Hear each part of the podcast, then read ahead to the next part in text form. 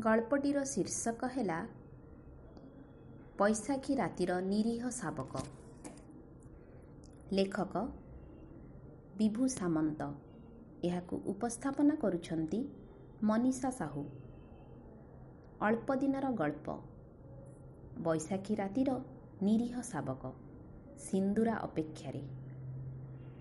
ଗ୍ୟାରେଜରେ କାମ ସାରି ଅବସନ୍ନ ଦେହଟେ ନେଇ ମୁଁ ଫେରେ ମୋ ବସାକୁ। ଦୌଡ଼ିଆ ଫୋଲ୍ଡିଂ ଖଟ ଉପରେ ନିଜକୁ ଫିଙ୍ଗି ଦେଇ ତକିଆରେ ମୁହଁ ମାଡ଼ି ମୁଁ ଆଖି ବୁଜିଦିଏ। ମାଲିକର ଗାଳି ଗ୍ରାହକଙ୍କ ତାଗିଦ ସବୁ ଭୁଲିବାକୁ ଚେଷ୍ଟା କରେ। ଘର କହିଲେ ଆଠ ବାଇ ଦଶର ଖଣ୍ଡେ ବଖରା। ଆଉ ତାକୁ ଲାଗିକି ଗାଧୁଆ ଘର। ଥାକରେ ଅନେକ ଦିନର ହିସାବ ଚିଠା। ଆଉ କେଇଖଣ୍ଡ ଖବରକାଗଜ। ଆଉ ତଳକୁ ପୁରୁଣା ବତି ଷ୍ଟୋଭଟିଏ ତା ପାଖକୁ ଚାଉଳ ଡବା ଆଉ ସବୁ ସଉଦାପତ୍ର କିଛି। ଏଇଟା ମୋ ଦୁନିଆ।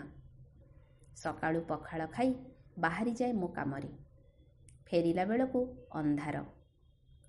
ସେ କଲୋନୀରେ କିଏ ରହନ୍ତି କି ଯାଆନ୍ତି ଆଜି ଯାଏଁ ଦେଖିନି ଚେଷ୍ଟା ବି କରିନି। ଦରକାର ପଡ଼ିନି କେବେ। ମୁହଁମାଡ଼ି ବିଛଣାରେ ଶୋଇଗଲେ ସବୁ ଭିଯାଏ ମୁଁ। ଭାବନାକୁ ସ୍କେଚ୍ କରିବାକୁ ମୋ ପାଖେ ସମୟ ନାହିଁ କି ସାମର୍ଥ୍ୟ ନାହିଁ। ମୋର ଗ୍ୟାରେଜ ପିଲାଙ୍କୁ ଛାଡ଼ିଦେଲେ କେହି ସାଙ୍ଗ ବି ନାହିଁ। ନାହିଁ ନାହିଁ ଭିତରେ ଜୀବନଟା ଗଡ଼ି ଚାଲିଛି। ଗୋଟିଏ ପୁରୁଣା ଲାଇଟ୍ ନଥିବା ଗାଡ଼ି ପରି। ଯିବା ଆସିବା ରାସ୍ତାରେ କେତେ ଚରିତ୍ରଙ୍କୁ ଭେଟେ। ହେଲେ ମୋ ହିସାବ ଖାତାରେ ଥାଏ ଖାଲି ଗାଡ଼ି ଯନ୍ତ୍ରପାତିର ହିସାବ ସବୁ। ସେଦିନ କାହିଁ ଭାରି ଥଣ୍ଡା ଲାଗିଲା। ଚାଲି ଆସିଲି ଘରକୁ। ମୁଣ୍ଡଟା ବି ଜୋରେ ବିନ୍ଧୁଥିଲା। ବୋଧହୁଏ ଜ୍ୱର ହେଲା ମୋତେ। ତା ପରଦିନ ଆଉ ଯାଇନି କାମକୁ। ଏମିତି ପଡ଼ିଛି ବିଛଣାରେ। କବାଟଟି କେହି ଜଣେ ଠକ୍ ଠକ୍ କଲେ। ଭାରି କଷ୍ଟରେ ଖୋଲି ଦେଖେ ତ ସାତ ଆଠ ବର୍ଷର ଝିଅଟିଏ। ପଚାରିଲି କ'ଣ ବୋଲି? କହିଲା ମା ପଠାଇଛି ତୁମ ପାଇଁ ଭୋଗ ମୁଁ ତାକୁ ଭିତରକୁ ଡାକିଲି କାଠ ଷ୍ଟୁଲଟେ ଦେଇ ବସେଇବାକୁ କହିଲି। ଆଉ ତା ହାତରୁ ଭୋଗ ନେଇ ଖାଲି ଗିନାଟି ଫେରେଇ ଦେଲି। ତାକୁ ପଚାରିଲି ତୁମ ନାଁ କ'ଣ ଝିଅ ସେ କହିଲା ନିତୁ ବୁଝିଲି ଯେ ଷ୍ଟାଣ୍ଡାର୍ଡ଼ ଥ୍ରୀରେ ପଢ଼େ। ବେଶ ସୁନ୍ଦର ତା କଥାବାର୍ତ୍ତା। ଦେଖିଲେ ମନ ଖୁସି ହୋଇଯିବ। ଗିନା ନେଇ ସେ ଚାଲିଗଲା। ଆଉ ମୁଁ ପଡ଼ି ରହିଲି କୂଳକୁ ଖରା ଖାଇବାକୁ ଆସିଥିବା କୁମ୍ଭୀର ପରି। କାଗଜରେ ଅନାବନା କଥା ଲେଖୁଥାଏ କାଟୁଥାଏ। ମୋ ପଶ୍ଚିମ କାନ୍ଥରେ ଟଙ୍ଗା ହୋଇଥିବା ଘଡ଼ିର କଣ୍ଟାକୁ ଦେଖି ଲାଗେ ସମୟ ପାଖେ ସମୟ ନାହିଁ ଟିକେ ରହିଯିବାକୁ ଅଟକି ଯାଇ ଭଲମନ୍ଦ ପଚାରିବାକୁ ହୁଁ ସେ ଭାରି ନିର୍ଦ୍ଦୟ। ସେ କାଉଁ ବୁଝିବ ମୋ ମନ ତଳର ବେଦନାକୁ? ପାର୍ଚୁର୍ଯ୍ୟ ଭିତରେ ସୁଖ କ'ଣ ମିଳେ? ସୁଖ ମିଳେ ସହାଚାର୍ଯ୍ୟରୁ। କାହିଁ ଜଣେ ଏମିତି କେହି ଯେ ଆସି ସୁଖ ଦୁଃଖ ବାଣ୍ଟି ନିଅନ୍ତା ମୋ ସାଥେ? ସମୟ ବୋଧେ ଏମିତି କିଛି ଲେଖିନି ମୋ ପାଇଁ। ପ୍ରାରବ୍ଧରେ ନାହିଁ ତ ଦୁଃଖ କାହିଁ ପାଇଁ? ଚାଲୁ ଯେମିତି ଚାଲିଛି ଜୀବନ। କେତେବେଳେ ଆଖି ମୁଜି ହୋଇଗଲା ଜାଣିନି।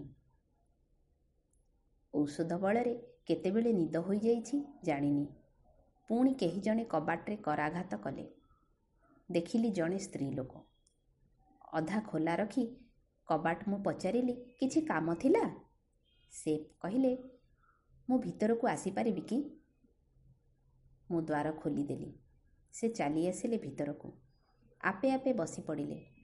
ଘର ଚାରିଆଡ଼େ ନଜର ପକାଉଥିଲେ। ମୁଁ ଚୁପଚାପ ତାଙ୍କୁ ଦେଖୁଥାଏ। କିଏ ଇଏ? କ'ଣ ତାଙ୍କ କାମ ମୋ ପାଖରେ? ଭୁଲ ଘରକୁ ଆସିନାହାନ୍ତି ତ? ସରକାରୀ ଲୋକ ପରିକା ତ ଲାଗୁନାହାନ୍ତି। କିଛି ତ ଆଣିନାହାନ୍ତି ତାଙ୍କ ସାଙ୍ଗରେ। ମୁଁ ନୀରବ ଦର୍ଶକଟିଏ ସାଜି ଦେଖୁଥାଏ ତାଙ୍କୁ। ବେଶ ସୁନ୍ଦର ସେ। କୌଣସି ସମ୍ଭ୍ରାନ୍ତ ପରିବାରର ବୋଲି ଲାଗୁଥାନ୍ତି। ସେ ମୋତେ ବସିବାକୁ କହିଲେ। ମୁଁ ବସିଲି। ତାଙ୍କ କଥାରେ କେମିତି ଗୋଟେ ଅଦୃଶ୍ୟ ଶକ୍ତି ଥିଲା। ମୁଁ ମନ୍ତ୍ରବତ ହୋଇ ବସି ପଡ଼ିଲି ସେ ସାମାନ୍ୟ ହସି ମୋତେ କହିଲେ ମୁଁ ନିତୁର ମା। ମୁଁ ତ ସେମିତି କିଛି ଖରାପ କରିନି। ଆଉ ଭୋଗଗିନା ବି ଫେରାଇ ଫେରାଇ ଦେଇଛି। ତଥାପି କ'ଣ ପାଇଁ ଆସିଛନ୍ତି ମହିଳା ଜଣକ?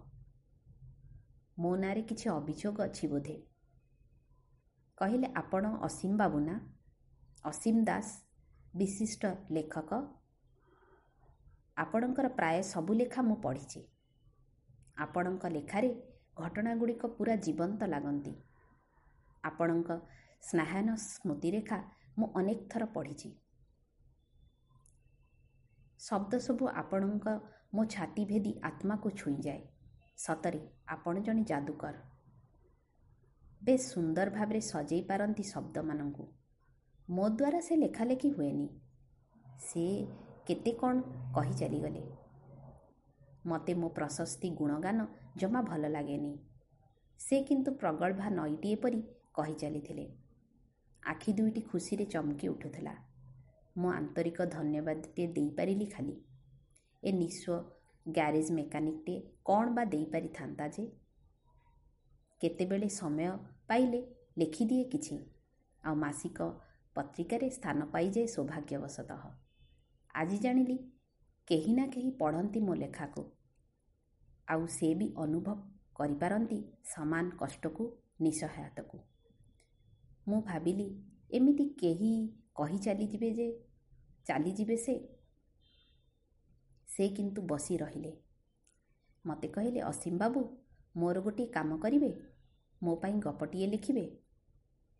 ମୋ ନିଜ କାହାଣୀର ପ୍ଲିଜ୍ ମନା କରନ୍ତୁନି। ମୁଁ ଜାଣିଛି ଆପଣ ପାରିବେ। କଣ୍ଠରେ ଉଦ୍ବେଗ ଆଉ ଅନୁରୋଧ ବାରି ହୋଇ ପଡ଼ୁଥିଲା। ମୁଁ ସୀମିତ ଅନୁଭୂତି ପାଥେୟ କରି କିଛି ଲେଖିବି ବୋଲି ପ୍ରତିଶ୍ରୁତିଟେ ଦେଇ ପାରିଲି ଖାଲି। ହଠାତ୍ ଲାଇନ୍ ଚାଲିଗଲା। ମୁଁ ଉଠି ଡିବି ଲଗାଇବାକୁ ଯାଉଥିଲି ମହିଳା ଜଣକ ମନା କରିଲେ। ଅନ୍ଧାରରେ କୁଆଡ଼େ ମନ କଥା ବେଶୀ ଖୋଲିକି କହିହୁଏ।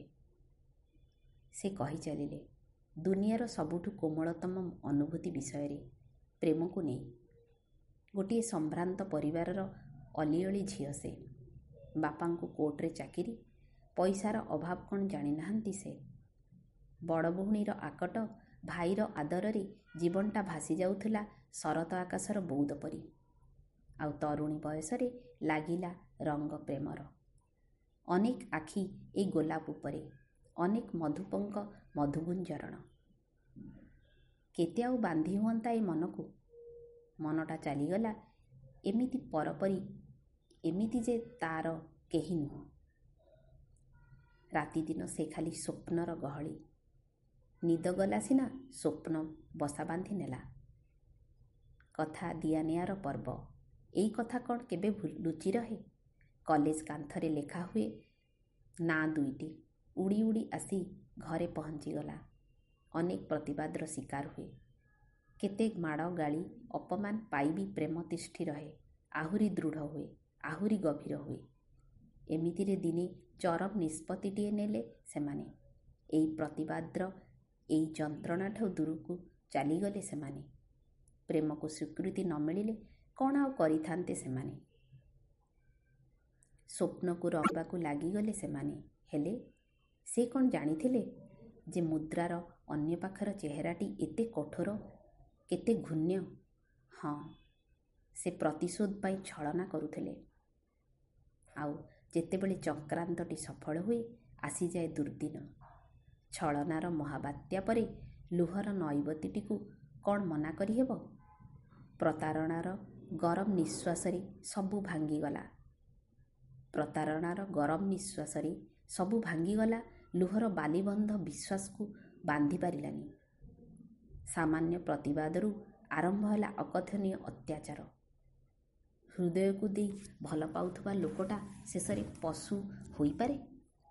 କେତେଥର ବେଲ୍ଟ ଆଉ ଚପଲର ଦରଜ ଆଜି ଯାଏ ବି ଯାଇନି ପିଠିରୁ।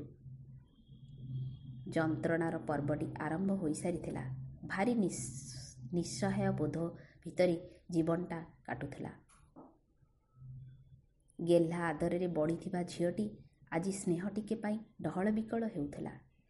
ୟା ଭିତରେ ଆଉ ଏକ ଜୀବନ ବାଟ ଖୋଜୁଥିଲା ଜରାୟୁ ଭିତରୁ। ଆକର୍ଷଣ ନଥିଲା ଆଉ ସମ୍ପର୍କରେ। ସେ ଆଉ ଜଣକୁ ଭଲ ପାଇ ବସିଲେ। ଅନେକ ପ୍ରତିବାଦ। ସବୁଯାକ ସିନ୍ଦୁର ମଥାରେ ଢାଳି ତାଙ୍କ ଗୋଡ଼ ଧରିଲେ ବି ସେ ଭାବଶୂନ୍ୟ ନିର୍ବାକ। କେତେଥର ନିଜ ହାତ କାଟି ବି ଦିଆହେଲା। ନା କମିଲା ଅତ୍ୟାଚାର ନା ଅଟକିଲେ ସେ ଶେଷରେ ସେ ବାହା ହୋଇଗଲେ ଆଉ ଅଲଗା ହୋଇ ରହିଲେ ଅନେକ ଥର କୋର୍ଟ କଚେରୀ ପରେ ବି ବିଫଳ କିଛି ହେଲାନି ଏମିତି ବେଳକୁ ଲାଇନଟା ଚାଲି ଆସିଲା ଆଉ ମହିଳା ଜଣଙ୍କ ତରବରିଆ ଭାବରେ ଲୁହ ପୋଛିଦେଲେ ନରମିଗଲା ଏ ମନଟା ନାରୀ ଲୁହରେ ବି ଅଜବ ଶକ୍ତି ଥାଏ ଲୁହାରେ କାମ କରୁଥିବା ମଣିଷଟି ବି ଭାବବିହଳ ହୋଇପାରେ ଇଚ୍ଛା ହେଉଥିଲା ଯାଇ ଭିଡ଼ି ଧରନ୍ତି ତାଙ୍କୁ ଛାତି ଉପରେ। ଯେମିତି ତାଙ୍କ ହୃଦୟର ବେଦନା ସଂକ୍ରମିତ ହୋଇଲା ପରି ମୋ ମନ ଭିତରକୁ। ମନ ଭିତରେ ଝରୁଥିଲା ସହାନୁଭୂତିର ଝରଣାଟେ ଅପରିଚିତ ଦେବୀଙ୍କ ପାଇଁ କିନ୍ତୁ ପାରିଲିନି। ସବୁ ପରେ ବି ସେ ହସୁଛନ୍ତି ସହଜରେ କଥା କହୁଛନ୍ତି ଭାରି କଷ୍ଟରେ ବଞ୍ଚିବାର ସାହସକୁ ସାଉଁଟିଛନ୍ତି। ମଥା ଆପେ ନଇଁ ଯାଉଥିଲା ତାଙ୍କ ପାଖରେ। ନାରୀର ଅନ୍ୟ ନାମ ପରା ସର୍ବଂସହା। ନିତୁ ଆସି ଡାକିଲା ମା କାଲି ପାଇଁ ମୋତେ ଟିକେ ପାଠ ପଢ଼େଇ ଦେବ ଆସ ନା ମୋର କାଲି ଗଣିତ ପରୀକ୍ଷା ଅଛି। ଉଠୁ ଉଠୁ ସେ କହିଲେ ହିସାବ କିତାବରେ ମୁଁ ଭାରି କମଜୋର ଅସୀମ ବାବୁ। ମୋ ଦ୍ୱାରା ହୁଏନି ଏ ଗଣିତ। ଏତିକି କହି ଚାଲିଗଲେ ସେ। ଘର ଭିତରେ ପ୍ରତିଧ୍ୱନିତ ହେଉଥିଲା ତାଙ୍କ ଶେଷ କଥା ପଦକ। ଆଉ ବାହାରେ ଅସ୍ତାଚଳରେ ସୂର୍ଯ୍ୟର ରକ୍ତିମ କିରଣ। କୃଷ୍ଣଚୂଡ଼ାର ପାଖୁଡ଼ା ପରି ବିଛୁଡ଼ି ହୋଇ ପଡ଼ିଛି ଚାରିଆଡ଼େ ଠିକ୍ ତାଙ୍କ ମଥାର ସିନ୍ଦୁର ପରି।